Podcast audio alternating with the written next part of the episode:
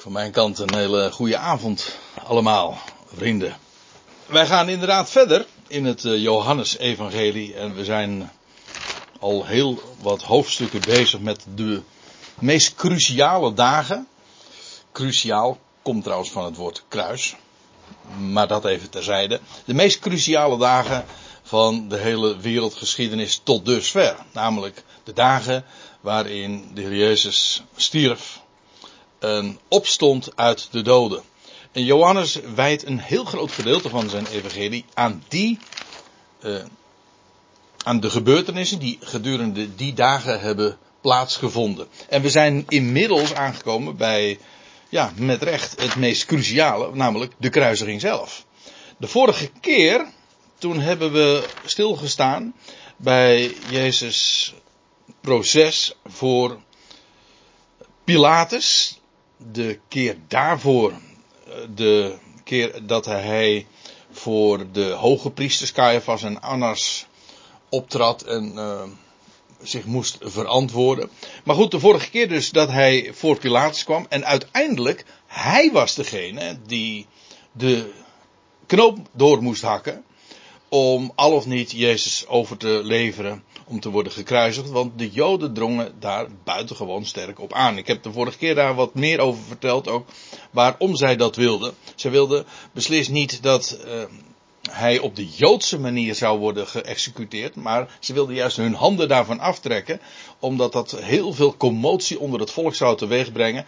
Ze drongen er bij Pilatus op aan dat hij zou worden gekruisigd, dat wil zeggen op de Romeinse wijze, en ook onder verantwoordelijkheid van de Romeinen, in casu Pilatus dus, in dit geval, dat hij eh, onder zijn verantwoordelijkheid eh, zou worden geëxecuteerd. Nou, we hebben de vorige keer gezien dat dat heel veel voeten in de aarde gaf. Want Pilatus zag eigenlijk geen enkele aanleiding om dat, om daarin het Joodse volk ter wille te zijn.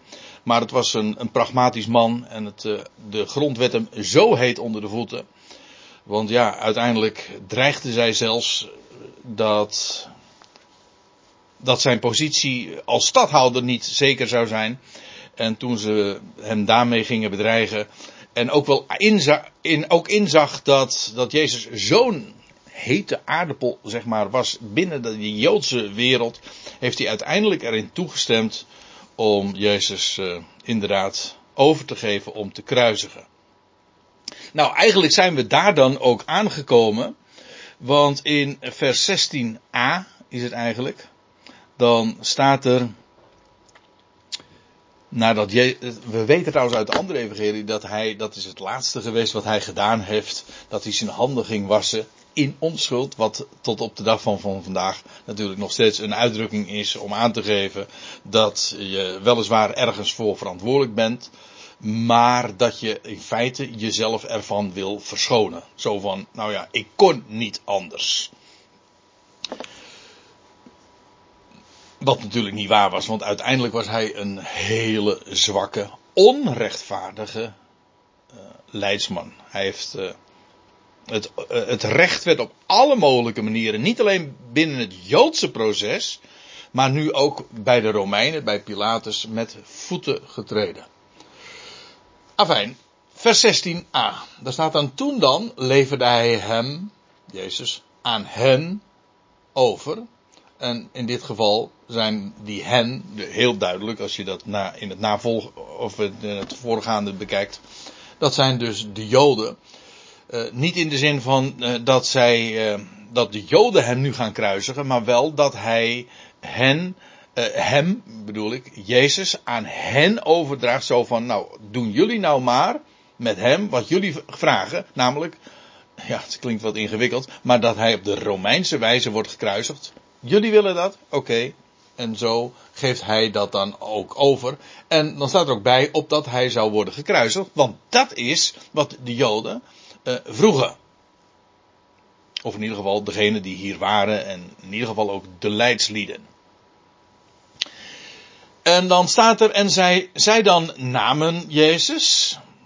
En dat zijn ook uh, de soldaten die hier al bij betrokken zijn. Uh, en dan staat er, en hij zelf, hij droeg het kruis zelf. Ja, en nou komen we op een, uh, een punt waar ik toch eventjes wat dieper op in moet gaan, want hier vertaal ik, en iedereen, bijna iedereen, het kruis. Maar ik moet erbij zeggen, dat staat er niet. Er staat niet het kruis. We gebruiken dat woord allemaal. Maar daar staat gewoon dit woord, stauros. En stauros, dat komt van een werkwoord staan. Dat is eigenlijk grappig trouwens dat in onze talen, in Duits, Engels, Nederlands, ook dat begint met sta. Zodat je nog ziet, de, de stam dezelfde is als in het Grieks. Maar stauros betekent eigenlijk letterlijk een staander. Want het komt namelijk van het werkwoord voor, ook het Griekse werkwoord voor staan. Zodat uh, het, het stauros, dat betekent dus staander. Of meer uh, in, uh, in het algemeen een paal, een staak, iets waar je gewoon, iets wat je neerzet. Ja, nou eigenlijk iets wat staat dus, ja. En ik weet niet of u ooit wel eens een keertje in discussie bent geweest met Jehovah's getuigen. Maar die ontkennen dus ook. En laat ik ze meteen eventjes de credits daarvoor geven. Die zeggen, er staat helemaal geen kruis in in het Nieuwe Testament. Er staat gewoon een paal. En als je die afbeeldingen kent van, uh, de, uit die geschriften van die Jehovah's getuigen, dan zie je ook inderdaad dat het zo altijd wordt afgebeeld dat hij aan een paal hangt.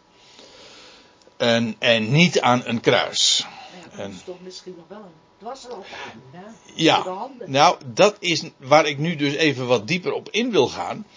Uh, het blijkt in ieder geval niet uit het woord zelf. Ik geloof, want laat ik het ook meteen bij zeggen, ik kom er straks uh, meteen op, op, uh, op terug en ik, ik ga er ook mee door.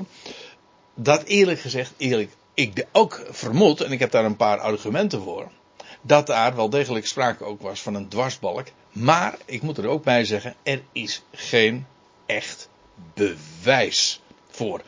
En in ieder geval, het blijkt niet uit het woord zelf. Het woord zelf betekent dus niet, kijk, ons woord kruis, dat, ja, geeft al aan dat er twee lijnen zijn die haaks op elkaar staan. Dat is een kruis.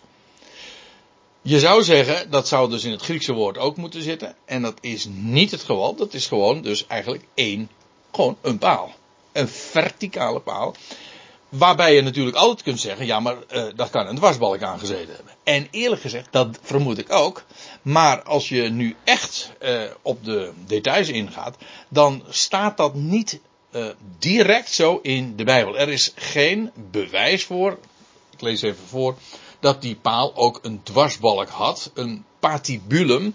Want de argumenten die daar gewoonlijk voor gegeven worden, zijn dan historisch of archeologisch van, uh, van aard, of in ieder geval vanuit de overleveringen van wat we weten over hoe de Romeinen executeerden. En want het is waar, die Romeinen kruisigden, en dat was dan inderdaad een paal met een dwarsbalk. Maar dat is niet altijd het geval geweest. Ook de Romeinen hebben, kenden ook inderdaad de executiemethode, waarbij uh, er al, alleen maar sprake was van een paal. Maar goed, dan als je op het moment dat je het op die manier benadert, ja, dan kom je in aanraking met de historie en met de overleveringen vanuit het Romeinse Rijk. Uh, we zijn Bijbelstudie aan het doen, dus ik wil dat eigenlijk een beetje parkeren, want dat is hoe interessant ook, niet echt beslissend. Wij gaan er vanuit van, ja, wat zegt de schrift hier gewoon letterlijk zelf over.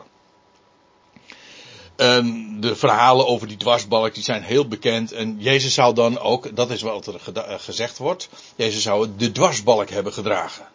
Niet het hele kruis. Dat, uh, die paal stond daar al op Golgotha. En hij zou de dwarsbalk hebben gedragen. Dat noemen ze dan het patibulum. En,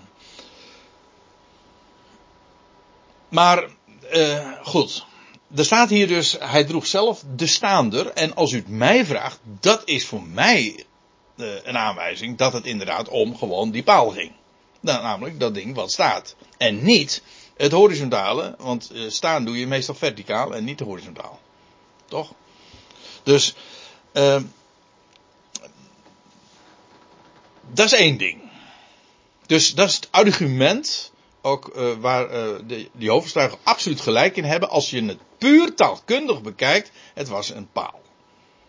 Natuurlijk kun je het ook nog op een andere manier boeg gooien en zeggen van ach wat maakt het me uit. Uh, Jezus is gestorven, hij is aan het hout gehangen en, en of dat nou een dwarsbalk was of niet, maakt dat zoveel verschil. Dan zeg ik nee, in, dat, dat, dat zal wel. Maar daar gaat het nu even niet om. Het gaat er nu even om, wat staat er? En dan moeten we gewoon inderdaad toegeven, hier staat, ik vertaal hier kruis. Of uh, dat geven we zo weer. Maar je moet er eerlijkheidshalve bij zeggen, er staat gewoon een staander. Dat er niettemin aanleiding is om te, aan te nemen dat er uh, wel degelijk ook sprake was van een dwarsbalk. Er zijn twee argumenten voor. En die wil ik noemen. Ik zeg erbij, ze zijn niet 100% waterdicht. Het zijn redenen, maar als je er per se niet aan wil, dan kun je er onderuit. De eerste, het eerste is deze.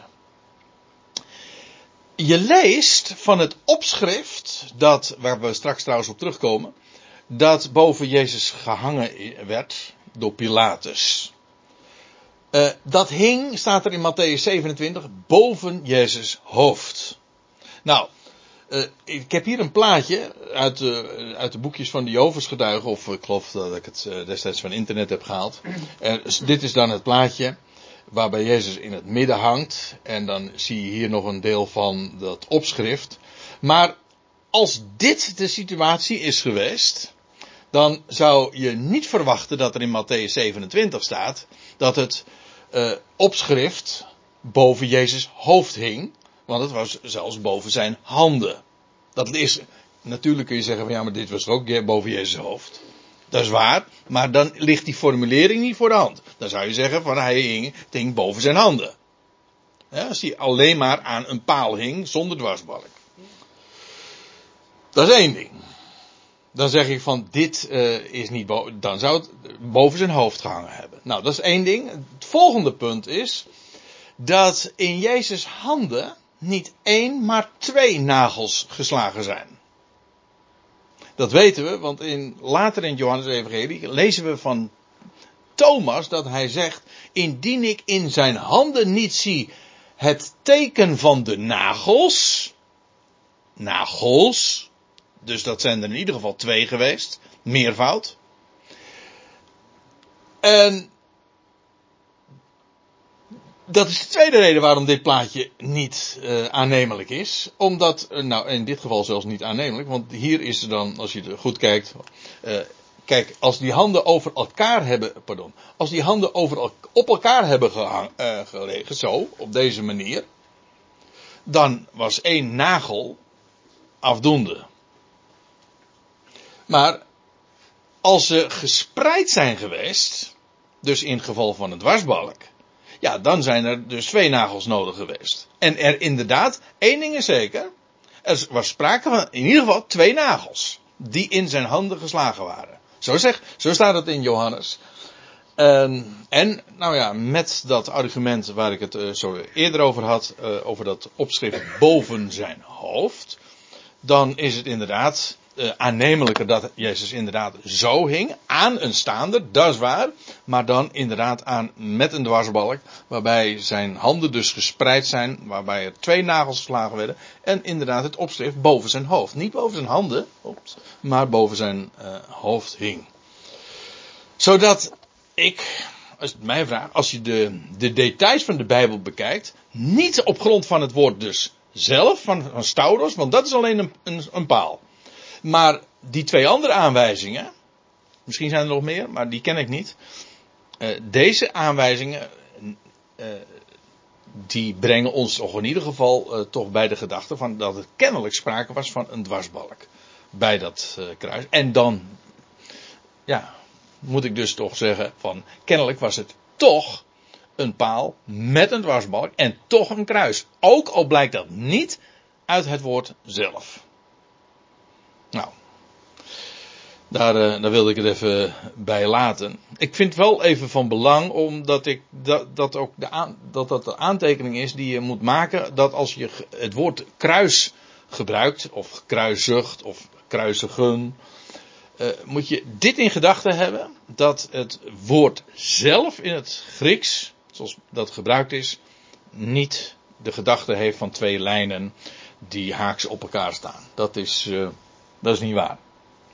Nou ja, dat is ook een van de redenen waarom je Bijbelstudie doet. Maar je maakt het, het maakt trouwens ook wel een beetje lastig uh, met vertalen. Want ja, kruisigen of het kruis is strikt genomen dus geen goed vertaalwoord. Ik moet er ook bij zeggen, het woord wat de Jehovah's getuigen ervan gemaakt hebben, die, die vertalen het met martelpaal. En dat is ook niet correct. Want inderdaad was een paal. Maar het, dat het uh, een martelpaal was, dat, dat zit ook niet in het woord zelf. Zo zie je maar weer uh, dat vertalen soms best wel eens uh, lastig kan zijn. En in ieder geval, soms heeft het echt toelichting nodig om te weten van, nou, hoe zit het nou precies? Martel staat voor getuigen. Sorry? Martel staat voor getuigen, getuigenpaal. Ja. Ja, als je het, uh, dat er ook nog bij betrekt. Maar laten we het, dat eventjes laten voor wat het is. Nou ja, dit is helemaal nieuw voor mij. Dus. Ja, nou, er komen er nog een paar nieuw, andere nieuwe dingetjes, denk ik. Nee, want dat is gewoon een kruis. Ja. En we weten trouwens uh, nog iets. Er staat hier van uh, zijn dan namen Jezus. En hij droeg zelf het kruis. Nou, op dat woord kruis ben ik zojuist al ingaan. En hier staat, hij droeg het zelf. Uh, uit de andere evangelie lezen we, weten we dat ook. Maar weten we ook dat hij al kort daarna, of in ieder geval gedurende de route naar Golgotha, uh, is bezweken. En toen werd vervolgens het kruis overgenomen door een toevallige passant. En wij kennen zijn naam en hij heette niet Simon Kan Sirene, want dat moet ik even wijzigen, maar Simon van Sirene natuurlijk. Hij kwam van Sirene. Zo wordt hij in alle andere evangeliën genoemd. In Marcus 15 staat er trouwens nog bij dat die Simon van Sirene, die toen van het land kwam, staat er. Dus die had gewerkt. En uh, hij was de vader van Alexander en Rufus. Waaruit volgt dat Marcus kennelijk uh, die, die beide jongens, die zonen van Simon van Sirene, kende. Of in ieder geval dat ze in de uh, gemeenschap van gelovigen, dat dat namen waren die, die zij allemaal kenden. Ze worden in ieder geval bij namen genoemd, wat suggereert dat ze ja, bekend waren uiteraard. Dus Johannes meldt niet dat Jezus eronder bezweek, maar alleen maar dat hij zelf dat, die paal, die staander dus droeg.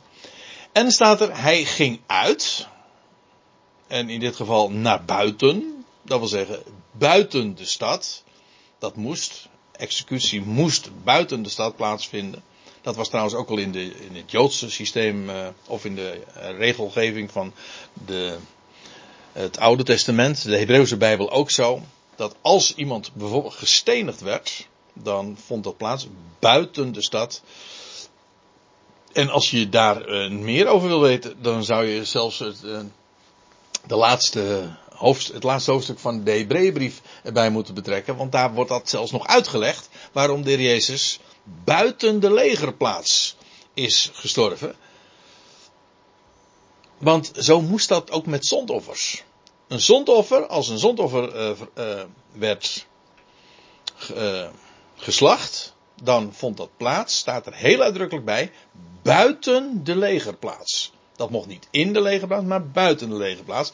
Nou, en de Hebreeënbrief legt dat dan ook uit. Het grote zondoffer, dat is Jezus Christus. En waar moest hij geslacht worden?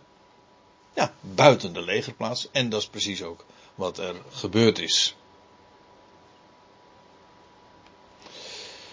En dan staat er, hij ging uit naar de zogenaamde schedelplaats. In het Hebreeuws Golgotha genaamd. En dan hebben we weer iets we, we komen er vanavond uh, op diverse andere ja, misverstanden. Moet je nagaan. We hebben het over een geschiedenis die zo bekend is, die het, centraal staat in het hele Bijbelse getuigenis.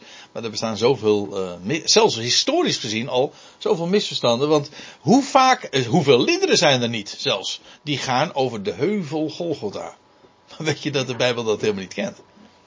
Er staat heel, nergens dat Golgotha een heuvel was of zoiets.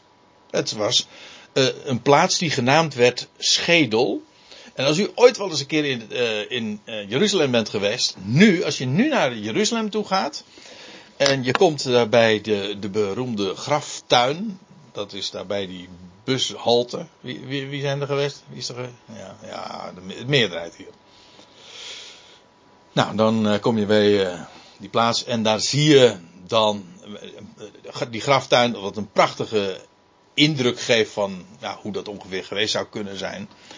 Maar ik moet er tegelijkertijd bij zeggen, het is in ieder geval niet de plaats geweest waar dat gebeurd is. Trouwens, het allermooiste vind ik daar toch van die hele graftuin. Waar ik, wat ik echt, uh, wat op mij destijds diepe indruk gemaakt heeft. Uh, dat vind ik nog het, het bordje daarboven dat graf. Hij is hier niet. hij is opgestaan. Dus het belangrijkste is eigenlijk, hij is er niet. Ja. Nee. Dus in die zin maakt de locatie ook geen verschil, want hij is er toch niet. En, maar daarom wilde ik het uh, niet zeggen. Ik wilde het om een andere reden nog even noemen. Omdat als je daar dan komt, dan, dan zie je daar bij die graftuin een plek. Een, een, een, wel een heuvel, een verhoging. En, dan, en dat zou dan moeten lijken op een, uh, op een doodskop, op een, uh, op een schedel. Daar moet je heel veel fantasie voor hebben. En bovendien is dat van een veel later tijdstip. Dus uh, dat historisch gezien klopt dat echt van geen kant. Maar uh, ook de, de Bijbel kent uh, helemaal niet zoiets als de, de heuvel Golgotha. het was een schedelplaats. Ja, waarom? Dan kun je zeggen, nou dat was omdat het de vorm had van een schedel. Maar een andere aanleiding is om te zeggen van, het was een plaats waar een schedel lag. Of schedels lagen eventueel. Nou heb ik één vraagje. Weet u toevallig van iemand wiens hoofd begraven is in Jeruzalem? Misschien Johannes de Doper? Nee, niet van Johannes. Ja, dat had ook nog gekund. Nee, niet van Saul. Goliath. Ja, oh, ja, ja, ja, nee, maar dat klopt. Van Goliath, die notabene, die was op een heel andere locatie uh, neergeveld door David.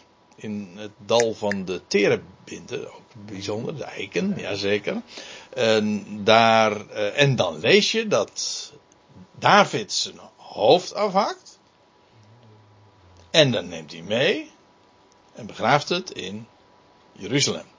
Wat helemaal bijzonder was, want in die dagen was er eigenlijk nog helemaal geen Jeruzalem. Maar daar, dat staat erbij. In 1 Samuel 54, daar staat er, hij begroef uh, het hoofd van Goliath te Jeruzalem. Dus als, er, als je het nou bijbels benadert en je zegt van een schedelplaats in Jeruzalem, wiens schedel? Nou, er lag een hele grote schedel, want het was een reus, hè. Dat vrees je niet. Er lag, dat is de, het Bijbelse antwoord is, er lag inderdaad een schedel. En dat was namelijk David, die ooit de overwinning had behaald. En het hoofd had begraven in Jeruzalem. Ja. Hè? Spreekt. Waar dat van spreekt. Ja, precies. Het spreekt uiteraard van de zoon van David die de grote overwinning behaalt op de vijand. En daar zit, daar zit nog veel meer aan vast. Maar uh, dit op zich, uh, dit is een bijbelse connectie. Een plaats waar een schedel ligt. Dat is gewoon een schedelplaats. Niet eens per definitie een knekelhuis of zoiets. Of uh, waar schedels lagen. Gewoon, het was een plaats van een schedel. En de enige echte bijbelse connectie van een schedel in Jeruzalem is die van het hoofd van Goliath. En dat vind ik en heel logisch. En, moet ik er ook bij zeggen, ik, typologisch vind ik helemaal mooi. En als die twee samenkomen, dan, uh, dan word ik heel blij altijd. Er is trouwens nog een andere connectie uh, die, die uh, taalkundig daar gelegd is. Ik geef, hem door voor wat het waard is. En dat is dat Gol, Gotha, dat Gol van Goliath komt. En dat Gotha komt van Gat. Want Goliath was namelijk van Gat. Zo staat het er diverse keren bij. Als ik me niet vergis, ja, in ieder geval één keer. Hij was de Gatiet. Eh, Hij was van Gat en dus Goliath kwam vandaar. En dat Gotha van inderdaad van een, een verbuiging of vorming is van Gat.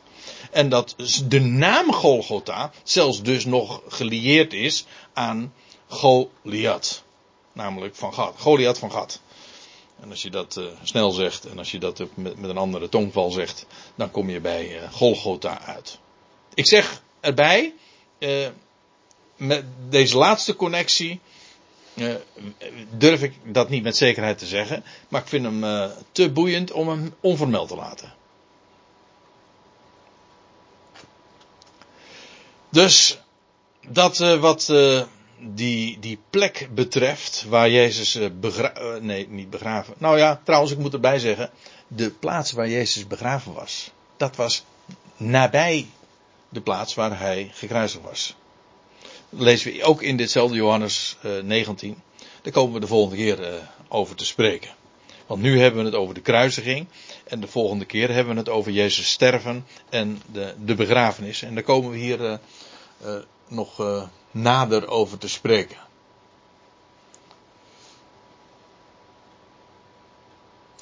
Ja, over die andere, over het punt dat Jezus begraaf, of, eh, pardon, eh, gekruisigd werd daar eh, op Golgotha. Het was, dus de, het was een zogenaamde, zo werd het genoemd, een schedelplaats. Waar dat geweest is, daar komen we zo over te spreken. Maar eerst nog iets anders. Ja, dan komen we op weer een andere kwestie. Want er staat er. ehm, hij ging uit naar de zogenaamde schedelplaats, in het Hebreeuws Golgotha genaamd, waar zij hem kruisigden, of, of zo u wilt, waar zij hem paalden. Maar goed, dat is geen goed Nederlands woord, dus ja, eh, ik laat maar. Waar zij hem kruisigden en met hem, staat er, twee anderen aan weerszijden. Oei, maar wat betekent dat? Met twee anderen aan weerszijden. De meeste vertalingen zeggen eh, aan weerszijden één. Maar dat één staat er niet. Maar wacht even, dan krijg je dus waar zij hem kruisigden en met hem twee anderen aan weerszijden. Meestal wordt het uitgelegd van aan, aan beide kanten één. Jezus in het midden. Dat laatste, dat, dat zullen we straks zien. Hè, maar ik denk dat er alle reden is om aan te nemen dat Jezus in het midden hing van vier gekruisigden, mede gekruisigden. Aan weerszijden twee. En daar moet ik wat meer over vertellen. Want zodat er dus in, in totaal sprake was van vier medegekruisigden. En ga maar eens even na, een aantal gegevens. Ik, ik zet er een, een aantal punten even op een rijtje. We lezen in Lucas 23, als, dit is gewoon een kwestie van schrift met schrift vergelijken. De, de andere getuigenissen, namelijk van Lucas, Matthäus en Marcus erbij betrekken. Dan staat er, we weten, toen Jezus werd weggeleid, toen werden met hem weggeleid twee misdadigers. Zo staat het in Lucas 23. Ik ga die teksten nu verder niet langs, maar ik heb gewoon het bonnetje erbij gegeven. Zo staat het, als Jezus weggeleid wordt, was dat samen met twee misdadigers. Dan lees je in Matthäus 27 dat als eenmaal de klederen verdeeld zijn, dat daarna nog ook twee rovers werden gekruisigd. Er wordt een andere naam gebruikt. Maar ook het, niet alleen maar een andere naam. Er wordt niet de term misdadiger, maar wordt de term rover gebruikt.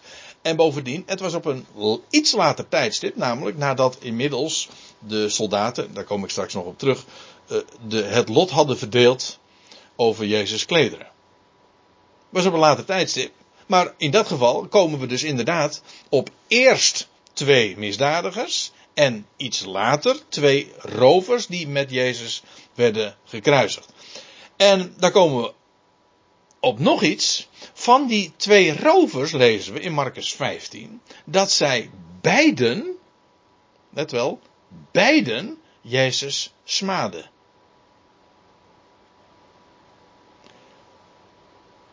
Maar hoe kan dat als je uitgaat van drie of eh, twee andere medegekruisigden? Want we weten allemaal dat die ene, of niet, ja, dat één medegekruisigde, eh, juist heel eh, deemoedig was in het uur van zijn sterven en dat hij Jezus ver- vergiffenis vroeg en, en, en om hem en ook of, of hij, wanneer hij eenmaal in zijn koninkrijk gekomen zou zijn. Dus hij heeft hem als koning herkend dat hij ook eh, dat er aan hem gedacht zou worden. Nou.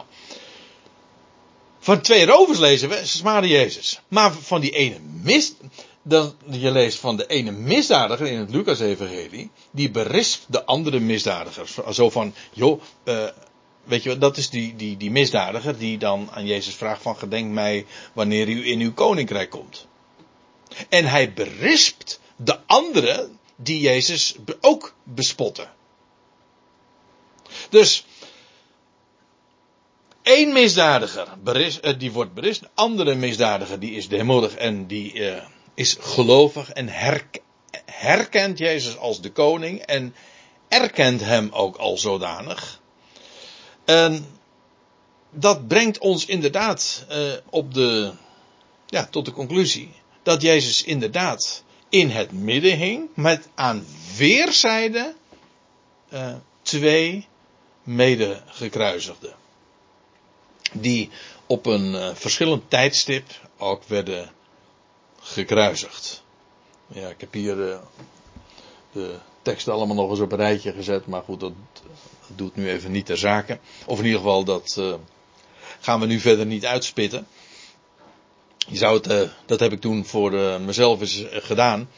Eh, alle vier de getuigenissen van alle evangeliën naast elkaar gezet. Dat heb ik toen voor mezelf zo gedaan.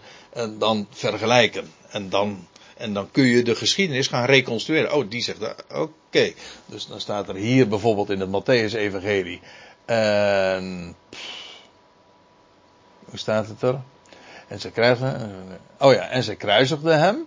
En zij verdeelden zijn bovenkleding door het lot te werpen. En ze gingen daar zitten. En. Even wachten hoor. Oh ja, en dan staat er. En dan worden samen met hem twee rovers gekruisigd. Dus de, heel uitdrukkelijk daarna. En dat is in strijd met wat je in Lucas. Of nee, niet in strijd. Maar eh, dat is in. Dat is iets anders dan wat Lucas zegt. Namelijk. En er waren ook eh, twee misdadigers die met hem weggeleid werden om uit de weg geruimd te worden. Ja. En als je het, de gegevens allemaal laat staan en combineert, dan kom je inderdaad tot de gedachte dat er sprake is geweest van vier medegekruisigden. En in het midden Jezus. Zoals hier op dit plaatje. Dit is ergens eh, een foto uit eh, Frankrijk. Waar dat zo eh, ook wordt afgebeeld. Ook een kruis in het midden en twee aan weerszijden. En ja, daar komt trouwens nog iets bij. Daar zullen we de volgende keer wat, wat meer nog op ingaan. Maar in hoofdstuk, aan het einde van dit hoofdstuk, daar lezen we dat als de soldaten dan aan het einde van het proces, of aan het einde van de dag, de beenderen gaan breken. En wat gebeurt er dan? Dan lees je dit. En de soldaten dan breken eerst de beenderen bij de ene medegekruisigde. En dan bij de andere. En dan bij Jezus. Kijk, dat is heel logisch. In dit geval. Als, uh, als stel je voor dat er nou maar sprake was geweest van, van, van drie kruisen, dan is, het, is deze gang van zaken niet logisch. Dan kom je eerst bij deze, dan kom je dan bij die en dan bij Jezus. Toch?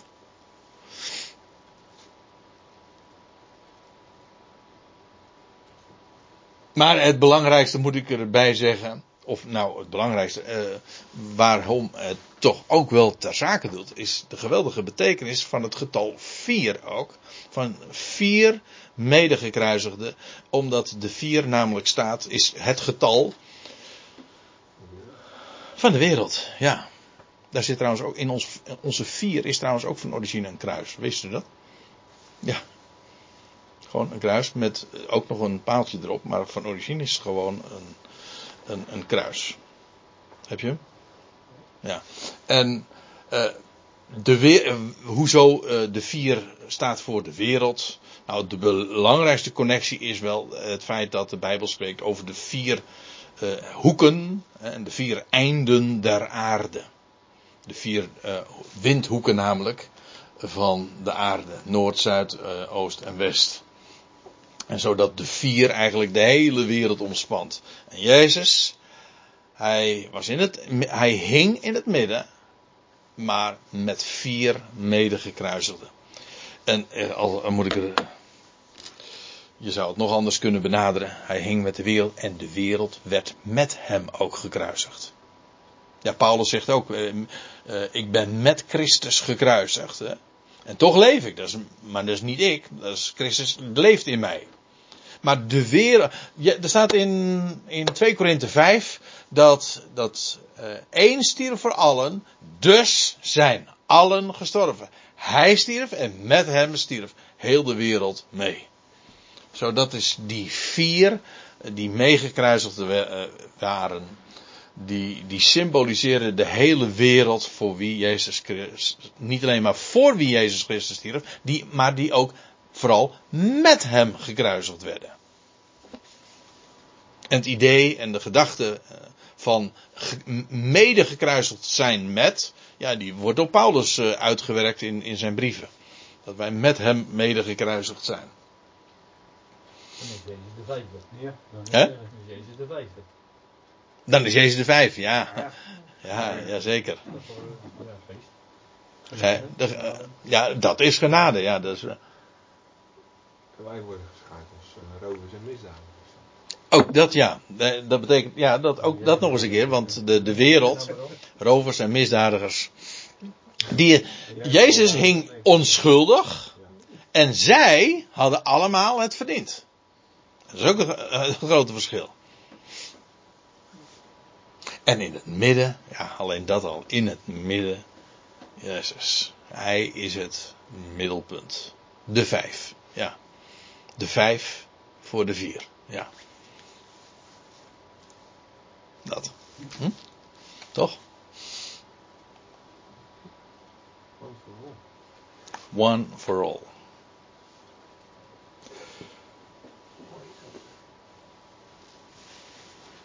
En dan staat er in, eh, we gaan verder in vers 19. Pilatus nu schreef ook een opschrift. We hadden het er al even over.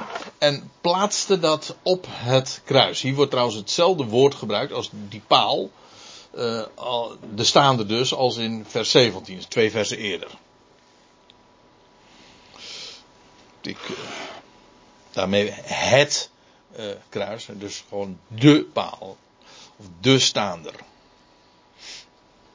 Eigenlijk met dat ik hier ook over spreek, vind ik de hele gedachte van dat Jezus dus de dwarsbalk heeft gehangen, eh, klopt niet.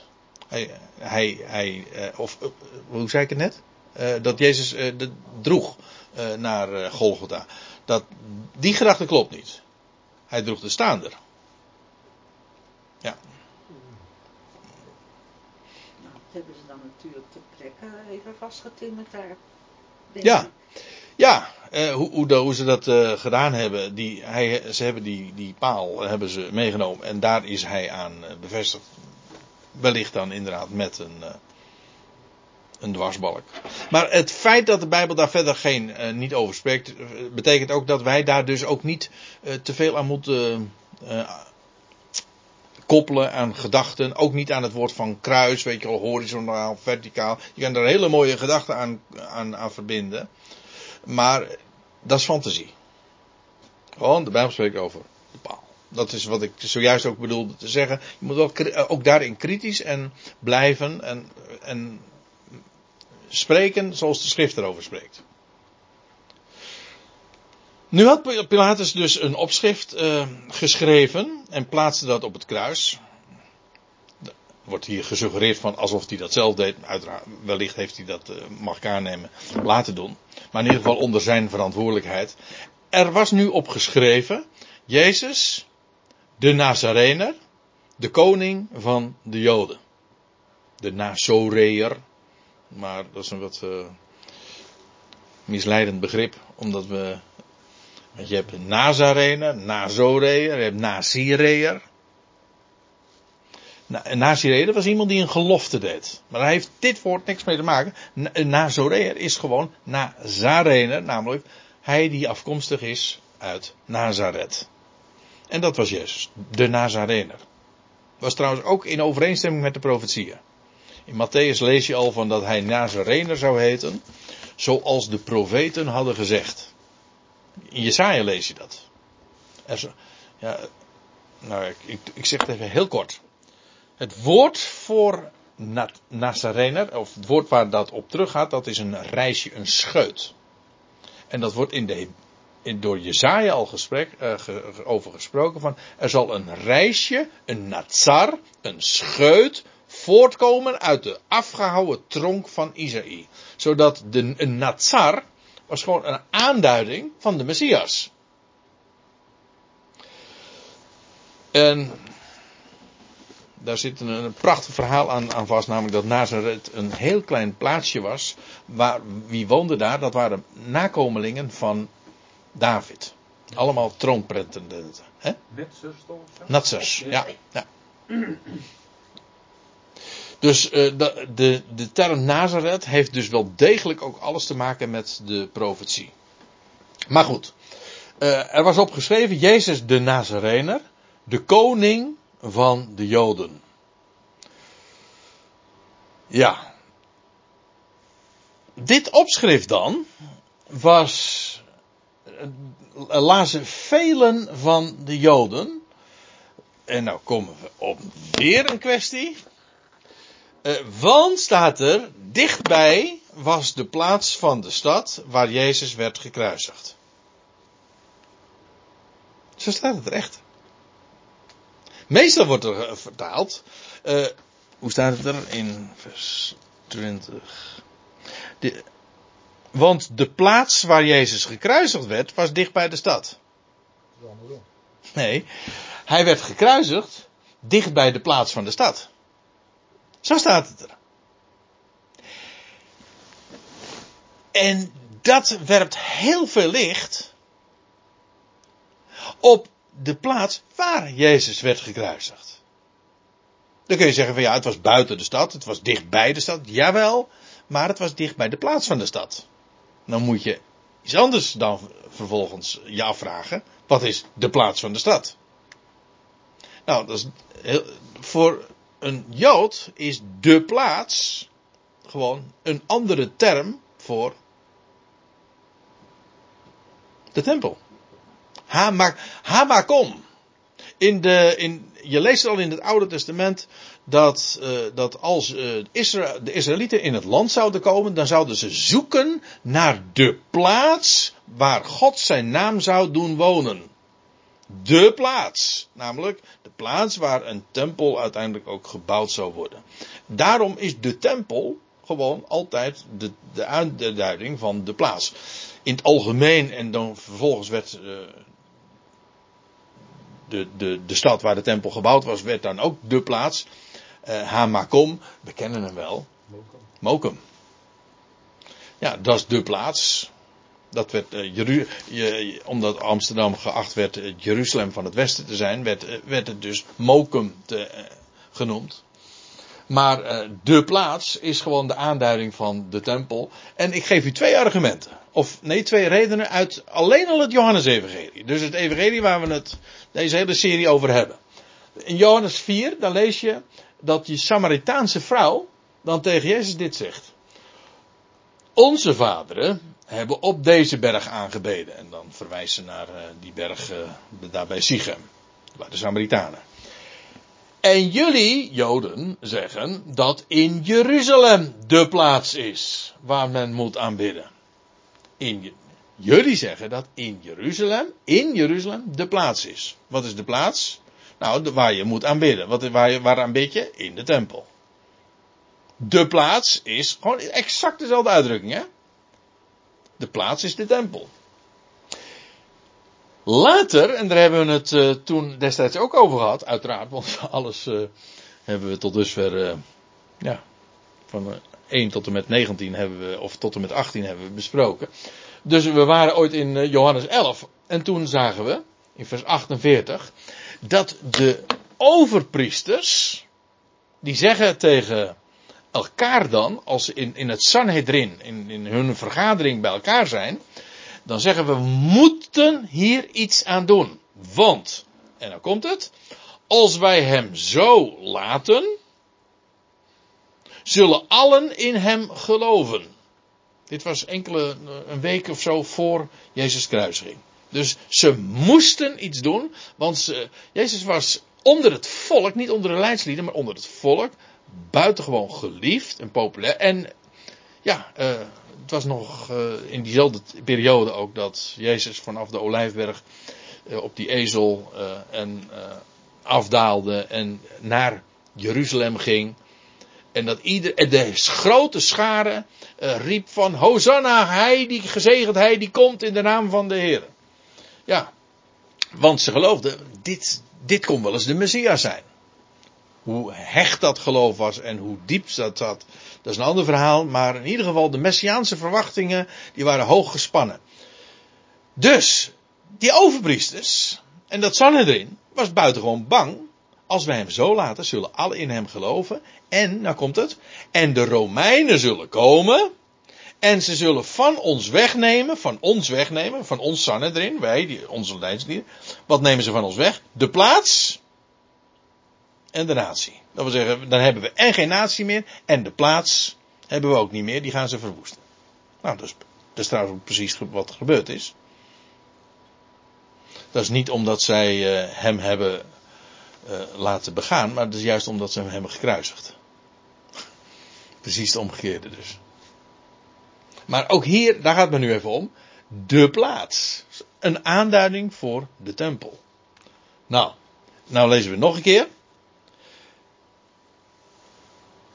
Nee, ik moet nog eventjes. Dit is nog even uh, hele vers 20. Dit opschrift dan lazen velen van de Joden, want dichtbij.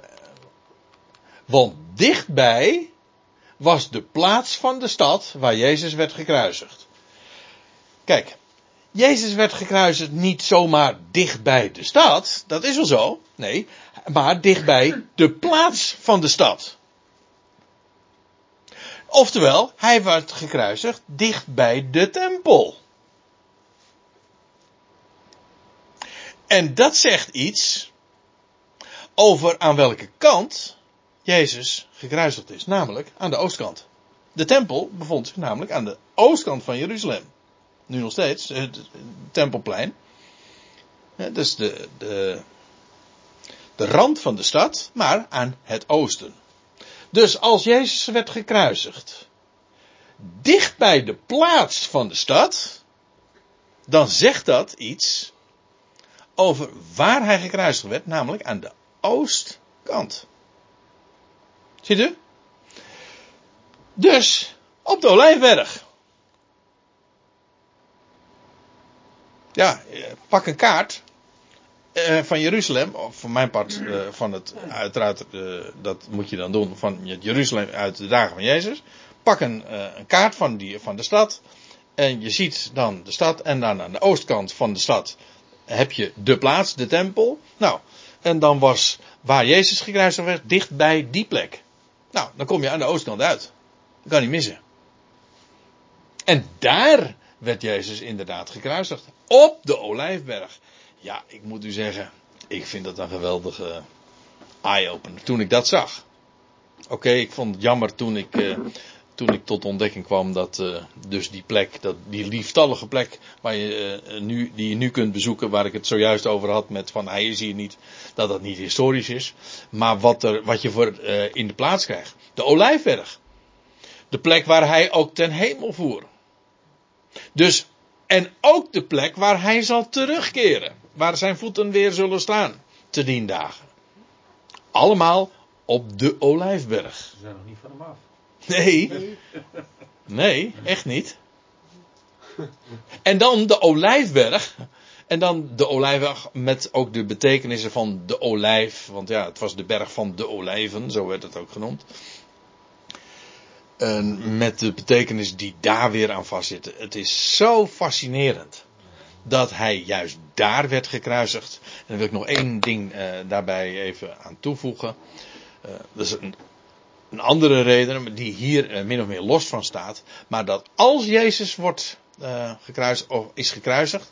En op het moment dat hij komt te sterven. Dat dan die eh, die Romeinse hoofdman, die ziet Jezus sterven, staat in Lucas. En met het moment dat Jezus sterft, dan ziet hij ook, er vindt er een aardbeving ook plaats. En hij ziet de, het gordijn van de tempel, niet in de tempel, maar het gordijn van de tempel. Dat gigantische grote gordijn van 25 meter eh, hoog was dat. En dat ziet hij scheuren. Tegelijkertijd met het feit dat Jezus sterft. Dus hij kijkt, hij ziet Jezus sterven en hij ziet het gordijn van de tempel daar op afstand scheuren. En als hij dat ziet, dan zegt hij, waarlijk, dat was een, de zoon gods, of ik weet niet precies hoe het er staat, maar hij, dan erkent hij van, dit is zo bijzonder. Maar, ook hier weer, pak een kaart. De enige plek waar je, waar je dat zou kunnen zien, namelijk dat het gordijn van de tempel scheurt, eh, en de plaats waar hij gekruisigd werd, dat kan alleen maar de Olijfberg geweest zijn. Want alleen vanaf de Olijfberg zie je die tempel en zie je die, die, dat gigantische gordijn voor de tempel. En daar komt trouwens in dit geval nog iets bij, want er staat van uh, iedereen zag het, hè, dat opschrift, want velen die kwamen, passeerden daar. Maar de, de drukste route, en nu nog steeds trouwens de bekendste route als je, je bij Jeruzalem komt, dan is dat via de Olijfberg. Nou, dat was toen zo, dat is nu nog steeds zo trouwens. Als je Jeruzalem komt, dan kom je dat via de Olijfberg daar naartoe. Zodat dat dus uh, heel erg logisch is. Bovendien, uh, het was ook de route waar je direct dus bij uh, de tempel kwam. Want ja, dat was aan de, lag aan de rand, aan de oostkant van de stad. Nou, ik zie dat het 9 uur is, dus ik denk dat we er goed aan doen eerst even te gaan pauzeren. Oké, we waren gebleven bij vers 20 dus. En daar staat dus iets anders. Net als mij die. Uh, nou, eerst hadden we het over het, het kruis. Dat bij nader inzien gewoon de paal was. Een staander.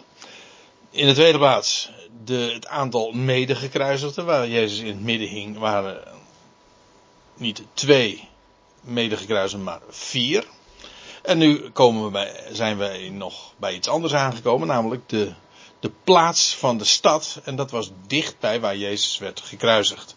En de plaats van de stad is dus de tempel. Dat leidt tot één conclusie. En dat is dat Jezus werd gekruisigd aan de oostkant van de stad. Namelijk op de Olijfberg. Mag ik nog even wat vragen? Want in het begin hadden we het over die schedelplaats. Ja. En die schedelplaats was dus op de Olijfberg. Oké. Okay. Ja. Ja. Het was me even niet duidelijk. Oké. Okay. Oké. Okay. Ja, dat is dan uh, de onvermijdelijke conclusie daaruit. Ja. Ja, dit zijn uh, gedachten die uh, niet zo bekend zijn. Maar uh, als ik de tekst zo lees en neem zoals het er staat, dan kan ik eigenlijk niks anders concluderen. Enfin, we, we hadden het nog steeds over dat, dat opschrift, want over die plaats van de stad, dat was feitelijk een soort tussenzin van, ja, iedereen las het. Waarom? Omdat het dichtbij de plaats van de stad was. Daarom. En dan staat erbij, en zo eindigt de zin dan, het was geschreven in het Hebreeuws, het Grieks en in het Latijn. Het Hebreeuws, de taal dus. Of het Hebreeuwse dialect. Het Aramees, want wat er gesproken werd in de dagen van de Jezus was uh, niet het, het oude Hebreeuws, het oorspronkelijke Hebreeuws, maar een Hebreeuws dialect, zo wordt het ook genoemd. In, uh, ergens in boekhandelingen. En dat is, wij noemen dat dan het Aramees, maar uh, in de Bijbel heet het gewoon het Hebreeuws, namelijk een Hebreeuws dialect.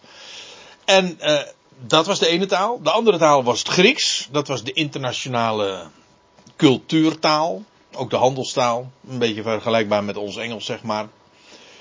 En het Latijn, dat was de officiële ja, taal van het Romeinse Rijk, waar Israël nu eenmaal deel van uitmaakte. Zodat uh, deze drie talen eigenlijk ook heel erg voor de hand liggen. Zo moet het er ongeveer hebben uitgezien. Waarbij zowel Latijn als. Uh, dit is uh, trouwens. Uh, nee, dit is Latijn. Ja, het is eigenlijk in de. ja, ten, Ja, maar dit is geen Chinees. Dit, is- dit zijn oud-Hebreeuwse letters. Oh? Ja. En, en dit is Grieks. En het, zowel het Latijn als het Grieks, dat, onder, dat zie je dan. Dat eh, wij kennen onderscheid, eh, spaties tussen woorden. Maar het Latijn en het Grieks eh, van origine kenden dat niet. Dat is voor ons nu lastig lezen. Als je gewoon alle woorden achter elkaar schrijft, zonder spaties, zonder ruimte daartussen. Maar pak maar eens een keertje, of ik weet niet of u dat wel eens gezien heeft, van die oude Griekse handschriften van het Nieuwe Testament.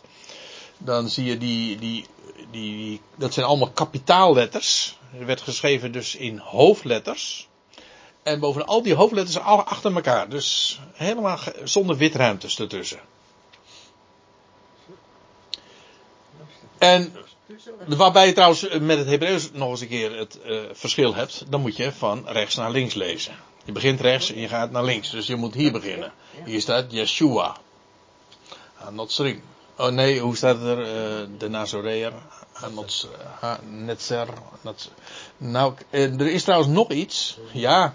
eh, ja, dit is trouwens nog weer een wat eh, een kwestie.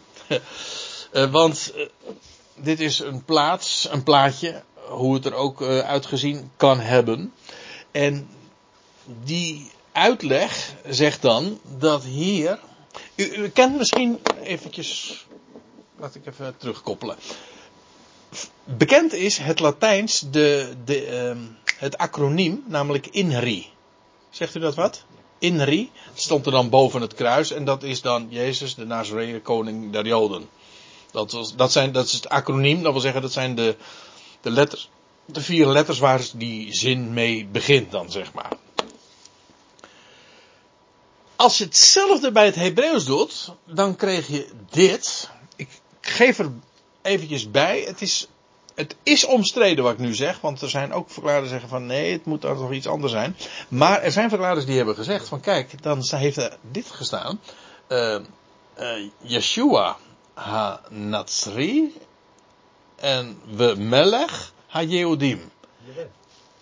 En dan krijg je, ik heb ze even een rood vakje omheen gedaan, dan krijg je dus het acroniem van de, nee, eh, de, de naam, de naam, ja, van God, namelijk Jud, Yeshua, Ha, eh, Natsri, zo zal je dat waarschijnlijk dan uitspreken, dat wil zeggen de Nazarener, en koning, we Melech, eh, Ha Yehudim, dat wil zeggen van de Joden. En dan krijg je dus de vier beginletters, is JHWH. Maar dat, zijn de, dat, zijn, dat is de naam van God. En dat de Joden, de hoge priesters, om die reden eh gebelgd waren. Rare term natuurlijk. Over, eh, de, over het opschrift boven de baal. Waar je, of boven het hoofd van Jezus. Maar er zijn ook die eh, kritiek hebben op dat woordje, deze letter. Het wordt veel te technisch als ik daar nu op inga, dat het geen voegwoord is, maar dat er eigenlijk een bepaald lidwoord staat. De koning en niet en koning. Maar, eh, ik moet zeggen, ik, ik vind eh, dit wel heel opmerkelijk, toch. Dat het er op deze wijze zou hebben gestaan en dat daarin zelfs de naam van God, de naam van God dan doorklinkt. Heel duidelijk. Nou, hoe dan ook, de hoge priesters van de Joden nu, die hebben kritiek op het opschrift. Maar eh, dan moeten we even letten op eh, het motief. De hoge priesters, we weten inmiddels wie dat zijn. Dat waren de twee dus. Dat waren Caiaphas en Annas. Daar hebben we het eerder over gehad, hoe dat zat. Eh, die zeiden, schrijf niet de koning van de Joden. Daar, vielen ze dus over. Dat het ook de naam van God zou hebben bevat. Dat kun je zeggen. Dat zou kunnen. Maar het is hier niet uit af te leiden. Zij, hun kritiek uit zich, of die spitst zich hierop toe. Schrijf niet de koning van de Joden. Eh, ja, je zou de vraag trouwens kunnen stellen. eh, waarom heeft Pilatus dat gedaan? En waarom heeft hij het zo geformuleerd? Van, eh, Jezus de Nazarener, de koning van de Joden. Want de, de hoge priesters die hebben kritiek op. Die zeggen schrijf, schrijf niet de koning van de Joden, maar dat hij zei. Dat hij beweerde. Dat hij claimde. Ik ben de koning van de Joden. Want nu uh, wekte Pilatus eigenlijk de indruk van nou de, de, de Joden hebben hun eigen koning hier terechtgesteld. En is dat voor Pilatus ook een vorm van wraak nog geweest tegen de hoge priester? Want reken maar dat Pilatus inmiddels, hij heeft natuurlijk enorme concessies moeten doen. Hij wilde dit helemaal niet. En dit kwam hem uh, heel hoog te zitten. Uh, ja, of uh, ja, duur te staan, maar ik bedoel ook in de zin van dit was een hele onaangename, op zijn zacht gezegd, gang van zaken voor hem ook. En dus dat Pilatus het helemaal had gehad met die hoge priesters. Die hem eigenlijk geprest hadden om dit nu te doen. En dat hij daarom ook uit wraak dit heeft geplaatst boven Jezus uh, hoofd. Want kijk, door het op deze manier te formuleren, konden, daarom hadden die hoge priesters daar ook zo de P in, dat dit boven Jezus hoofd hing. Want nu werd er gesuggereerd van de Joden die Jezus hebben overgeleverd, die hebben dat gedaan omdat hij de koning van de Joden is. Maar al die mensen, het volk dat naar de tempel ging, die zouden daardoor uh, daar aanstoot aan kunnen nemen. Zeg van, wacht even, maar wat, wat doen de hoge priesters hier nu? Jezus was immers, uh, waar we het voor de pauze ook al even over hadden, en al vaker hebben, over, hebben overwogen. Jezus voldeed voor het volk wel aan messiaanse verwachtingen. Zou hij het misschien zijn? Dus uh, die hoogpriesters hadden er moeite mee met het feit dat dat zo boven Jezus hoofd hing. Maar ja, Pilatus die laat zich uh, niet kennen. Nu. Nu houdt hij voet bij stuk. En hij zegt, wat ik heb geschreven, heb ik geschreven. Punt wegwezen. Dat, dat denk ik er dan bij. Maar dat, zo, dat klinkt erin door. Ik heb nu genoeg concessies gedaan. Wat ik heb geschreven, heb ik geschreven. Onbewust is Pilatus hier ook wel, wel degelijk ook weer een werktuig in Gods hand natuurlijk. Doordat Pilatus nu officieel bevestigt dat het volk haar koning verwierp. Dat is eigenlijk wat hij daarmee aangeeft. En dat is precies wat Israël ook gedaan heeft. En ze wilden eigenlijk die verantwoordelijkheid zelf niet dragen. Maar goed, nu stond het toch als opschrift boven Jezus hoofd daar aan die staander. Toen dan de soldaten Jezus kruisigden, namen zij zijn kleding en foutje en zij, en zij maakten vier delen voor iedere soldaat een deel. Waaruit dus blijkt dus dat er vier soldaten waren die uh, hierbij waren, die daaraan hebben meegedaan met die, uh, dat Jezus gekruisigd werd. En ja, vier delen, je weet niet hoe dat onder verdeeld is, maar ik stel me zo voor zijn, zijn jas, een opperkleed, een, een, wellicht een hoofddoek, een gordel, sandalen. In ieder geval, het werd in vieren gedeeld en voor iedere soldaat een deel. Maar dan kwam het onderkleed. En dat onderkleed was nogal duur. Dat was een prijzig onderkleed, want er staat er, het was zonder naad aan één stuk geweven. Een, zeg maar, dat onderkleed is zeg maar uh, vergelijkbaar met ons hemd. En dat was zonder naad uit één stuk geweven. We, ik vond het wel eigenaardig. Je leest dat van het kleed van de hoogpriester ook in Exodus 39, daar staat er uh, van Mozes dat hij het opperkleed maakt van de, van de hoogpriester. En hij maakte het opperkleed van de efot. En er staat erbij weefwerk, geheel, één geheel, blauw-purper. Het was dus, uh, ook dat was zonder naad uit één stuk geweven. Is dit een verwijzing daarna van hier hangt de echte, of in ieder geval de toekomende hoge priester. Dit is zijn kleed. Dat zagen jullie niet. Het was eronder, hè, het onderkleed. Maar dit is wat er onder de oppervlakte ligt. In ieder geval, eh, het was eh, de, en dat is het allerbelangrijkste, de vervulling van de profetie. Maar laten we eerst nog even vers 24 lezen. Want wat de overweging was van die soldaten. Zij dan zeiden tot elkaar, laten wij dit niet scheuren, maar er omloten van wie het zal zijn. Je gaat niet zoiets kostbaars dan vervolgens eh, in, in vieren delen. En vandaar dus dat het lot wordt geworpen. En dan voegt Johannes er als commentaar bij aan toe. Opdat het schriftwoord vervuld zou worden. Uiteraard hebben die soldaten dat niet gedaan van, oh ja, dat doen wij nu opdat het schriftwoord vervuld zou worden. Nee, dit is een opmerking uiteraard van Johannes zelf. Opdat het schriftwoord vervuld zou worden. En dat is Psalm 22. En die psalm spreekt van het begin tot het einde over de Heer Jezus.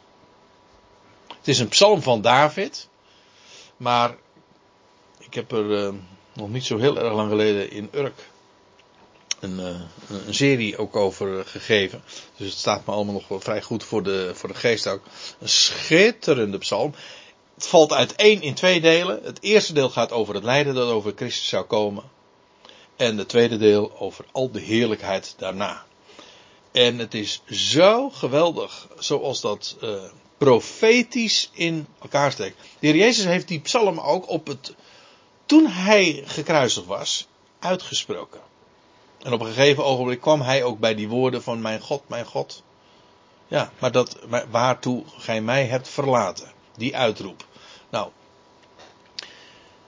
dat is Psalm 22 het is ook die psalm waar staat van uh, een bende boosdoenders, een honden die omringen mij. En er staat ook die mijn handen en voeten doorboren.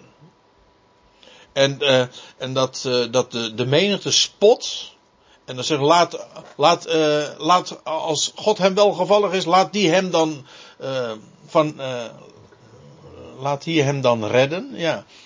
Het is precies ook wat, wat er aan, uh, daarbij Golgotha is gebeurd. Maar dat stond al voorzegd in Psalm 22. Dus ja, die psalm gaat onmiskenbaar over, over de Messias. En een van die woorden, wat daar dan ook staat, is.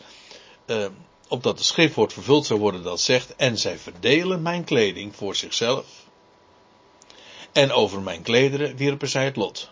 Dus aan de ene kant, er worden twee woorden gebruikt. Ze verdelen mijn kleding voor zichzelf, dus voor eh, gewoon onder elkaar. En over mijn klederen wierpen zij het lot. Of mijn kledij. Ja, ik weet dat het kledij is dat dan. Maar in ieder geval, het zijn twee verschillende bo oh ja, bovenkleding en kledij. Het ene wordt verdeeld, het andere daar wordt het lot over geworpen. En exact zo is het gegaan. Ze hebben het verdeeld. En ze hebben het lot erover geworpen. Beide.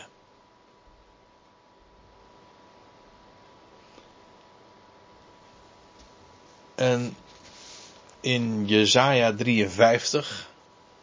Um, daar staat trouwens ook nog zoiets. Dat uh, hij werd met. Hij werd met, met de boosdoeners gerekend. Hè, de misdadigers. Maar over die verdeling van, het, uh, van de klederen wordt daar niet gesproken. Nee, dat ben ik, daarvoor, uh, daarmee ben ik nu even in de war. Hoe dan ook. Sorry? 22 niet? In Psalm 22 wel. Ja, daar wordt juist over de verdeling van die klederen gesproken. In Jesaja 53 wordt natuurlijk ook over, heel duidelijk over het lijden dat over de Messias zou komen. En dat hij als een lam ter slachting werd geleid. En dat hij onder de misdadigers werd gerekend. Maar bij de rijken zou hij zijn in zijn dood. Ook dat, nou ja, zo komt hij in het graf van Jozef van Arimathea. Hoe dan ook, ook hier, alles gaat zoals is voorzegd. En die soldaten zijn zich daar niet van bewust geweest. Die kennen de, hele, die kennen de Hebreeuwse Bijbel niet. Maar die hebben, zonder dat ze er erg in hadden. Dat is trouwens Pilatus ook. Pilatus was de topman, de stadhouder. En onbewust heeft hij precies dat gedaan wat hij moest doen. Ook bijvoorbeeld, waar ik het zojuist over had, het opschrift. Ja, dat moest zo.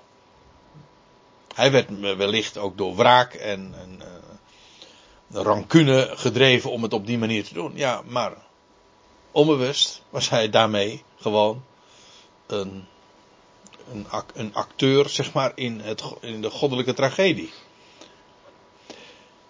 En dan staat er, de soldaten dan deden dit inderdaad. Die hebben dit gedaan zonder dat ze wisten wat ze deden. Bij het kruis, bij de staander, als je het eenmaal weet, dan ben je, heb je toch de neiging om het iedere keer te corrigeren. Uh, daar stonden nu.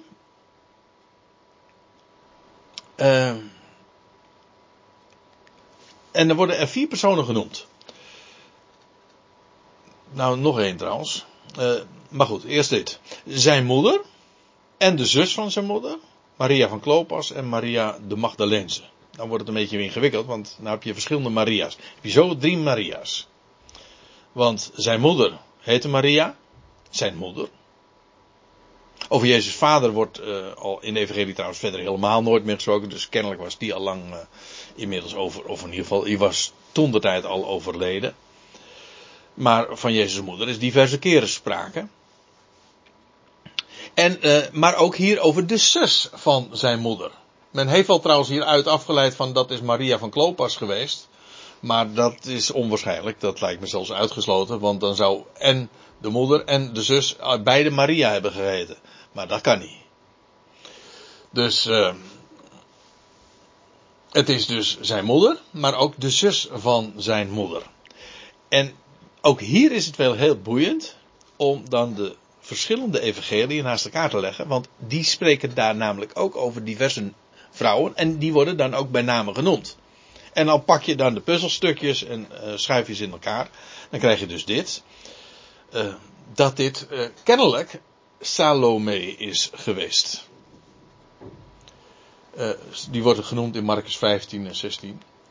En die Salome, dat was de moeder van de zonen van Zebedeus. Heb je? Ja, vroeger werd dat, uh, had je daar zo'n grapje. Weet je wie de vader was van de zonen van Zebedeus? De vader van de zonen van Zebedeus. Ja, dat was Zebedeus dus. Hè? Maar nu, wie is de moeder van de zonen van Zebedeus? Oftewel de vrouw van Zebedeus. Nou, dat was Salome. Maar in dat geval, want die naam wordt namelijk ook genoemd in Marcus 15. Hier worden dus de, Maria, Jezus' moeder, de zus van zijn moeder, Maria van Klopas en Maria de Magdalense. Maar in Marcus 15 uh, heet ze Salome. Of heet een van die vrouwen Salome. Dus uh, de conclusie, de haast onvermijdelijke conclusie is dan, Salome is kennelijk die zus van zijn moeder. Maar die Salome, dat was inderdaad de moeder van Johannes en Jacobus. En dus ook de vrouw van Zebedeus. Maar dan weten we nog iets. Namelijk dat Johannes en Jacobus dus Jezus' neven waren. Toch? Zo zie je dat als je de, de, de schriftplaatsen vergelijkt met elkaar, dan kom je tot hele interessante gevolgtrekkingen. Dat moet wel. Want die vrouw wordt dus uh, inderdaad hier, niet. Hier heet ze alleen de zus van zijn moeder. En in Marcus krijgt ze een naam. En in Matthäus weten we dat het de, de, de moeder was van Jacobus en Johannes. Uh, of zoiets. Ik weet even niet precies hoe het er exact staat. Maar kijk die schriftplaatsen maar na. En dan.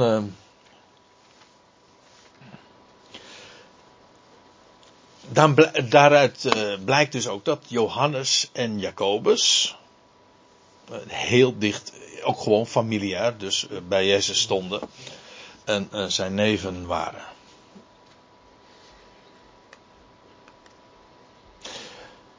Er wordt er en Maria, Salome, dus in ieder geval de zus van zijn moeder, en Maria van Klopas. Wat denk je bij als je bij Maria van Klopas? Was Maria de vrouw van Klopas? De dochter van Klopas? Plaats zijn, dit is makkelijk. Hè?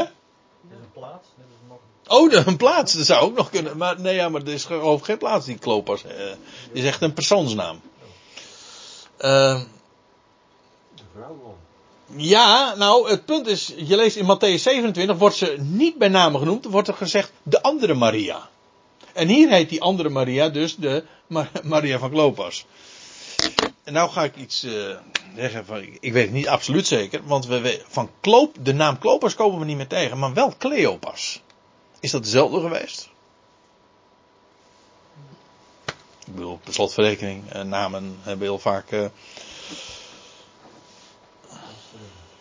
eh, ik bedoel, het is Priska en oh, de andere eh, en, en Lucas die heeft het altijd over Priscilla, weet je wel. En het is gewoon hetzelfde. Alleen verschillende, of, verschillende spellingen. En als het inderdaad eh, de Maria van Cleopas was, dan zou dat die, de vrouw kunnen zijn van die, een van die twee mannen, een van die twee mensen die naar Emmaus gingen. Want een van die twee heette Cleopas, staat er. En er is no- nog iets eigenaardigs, want meestal, als, ja, dat is iets wat we kennen van plaatjes, hè. Eh, de Emmausgangers, dat waren twee mannen, niet waar? Ja, wie zegt dat? Precies. Wie zegt dat? De ene heette Cleopas, dat is waar. De andere Maria. Eerlijk gezegd denk ik dat het Maria is geweest, dat het dus een echtpaar is geweest.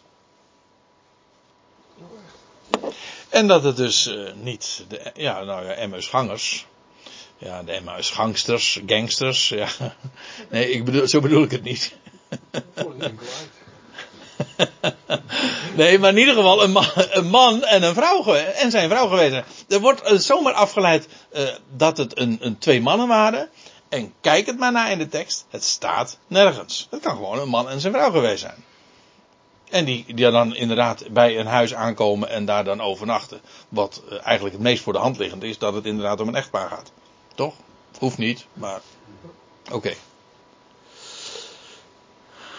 Nou ja, u ziet, eh, er zitten wel wat losse eindjes hoor, dat geef ik direct toe.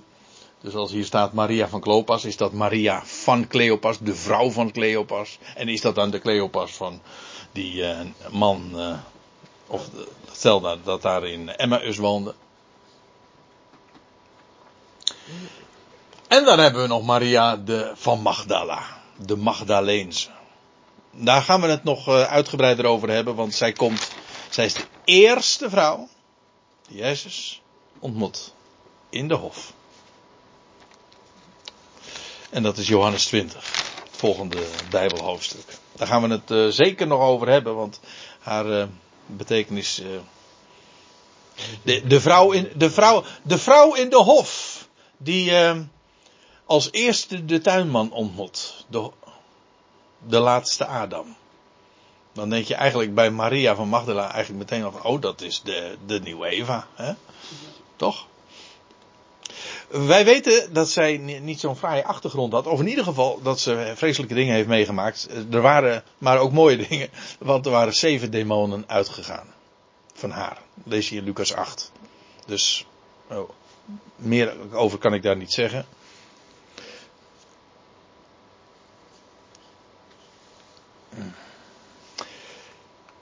Ja, dan moet ik nog even doorlezen. Ja, nou, ik, ik houd hier even kort bij. Misschien dat we de volgende keer eh, deze laatste verse eh, er even bij kunnen betrekken. Ik lees het nu eventjes alleen kortweg door. Toen Jezus dan zijn moeder eh, waarnam en de discipel die hij lief had. Aha, die was er dus ook nog bij. Dus die vier dames worden hier genoemd. En de discipel die hij lief had. Zijn neef dus eigenlijk. Johannes, ja. Ja, dat is inderdaad de anonieme schrijver. De gekke, het gekke is, zijn naam wordt niet genoemd, maar de, het ligt de duimen dik bovenop wie het geweest is. Wat iedere keer door Johannes benadrukt wordt, hij was geliefd. Het was de discipel die hij, Jezus, lief had. Hij werd geliefd. En hij zei tot zijn moeder, vrouw, neem waar. Nou ja, nee, hij kon niet wijzen, want hij, hij hing aan, daar aan die baal. Maar neem waar je zoon. Je tante zeggen dus eigenlijk. Hij zegt trouwens, uh, hij klinkt wat afstandelijk. Net als het ooit toen bij Cana, daar begon het ooit mee. Dat, dat Maria, zijn moeder, zich ook daarmee bemoeide. En dat zegt, vrouw, wat heb ik met u van doen? Dat klonk nogal afstandelijk en zelfs, uh, ja, vermanend. En, maar hier ook weer, vrouw, maar dat die afstand, uh,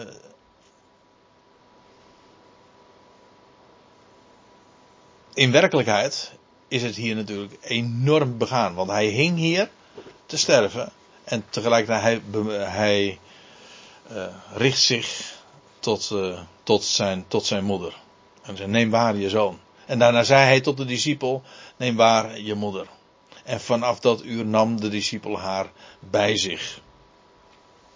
Dat in dat uur, dat wil zeggen, Jezus uh, is in datzelfde uur kennelijk nog ook gestorven. Want Johannes was erbij, heeft het gezien dat Jezus stierf. De volgende keer gaan we daarover spreken, want er is heel bijzonders mee aan de hand. Wat hij gezien heeft. In ieder geval, uh, vanaf dat uur uh, heeft de discipel dat inderdaad gedaan. En hij nam haar bij zich. Had hij een huis in Jeruzalem? Misschien. Of bedoelt hij in, in zijn ouderlijk huis daar in Capernaum? Ik, ik, maak me nu heel snel hier even van af, want ik denk eerlijk gezegd dat hier nog een mooie typologie in besloten ligt, maar dat is nou te veel om dat nu hier nog te noemen. Ik stel voor dat we het hier uh, bij laten en dat we de volgende keer de laatste twee versen die ik nu even heel snel doorheen gegaan ben, dat we daar nog even op terug.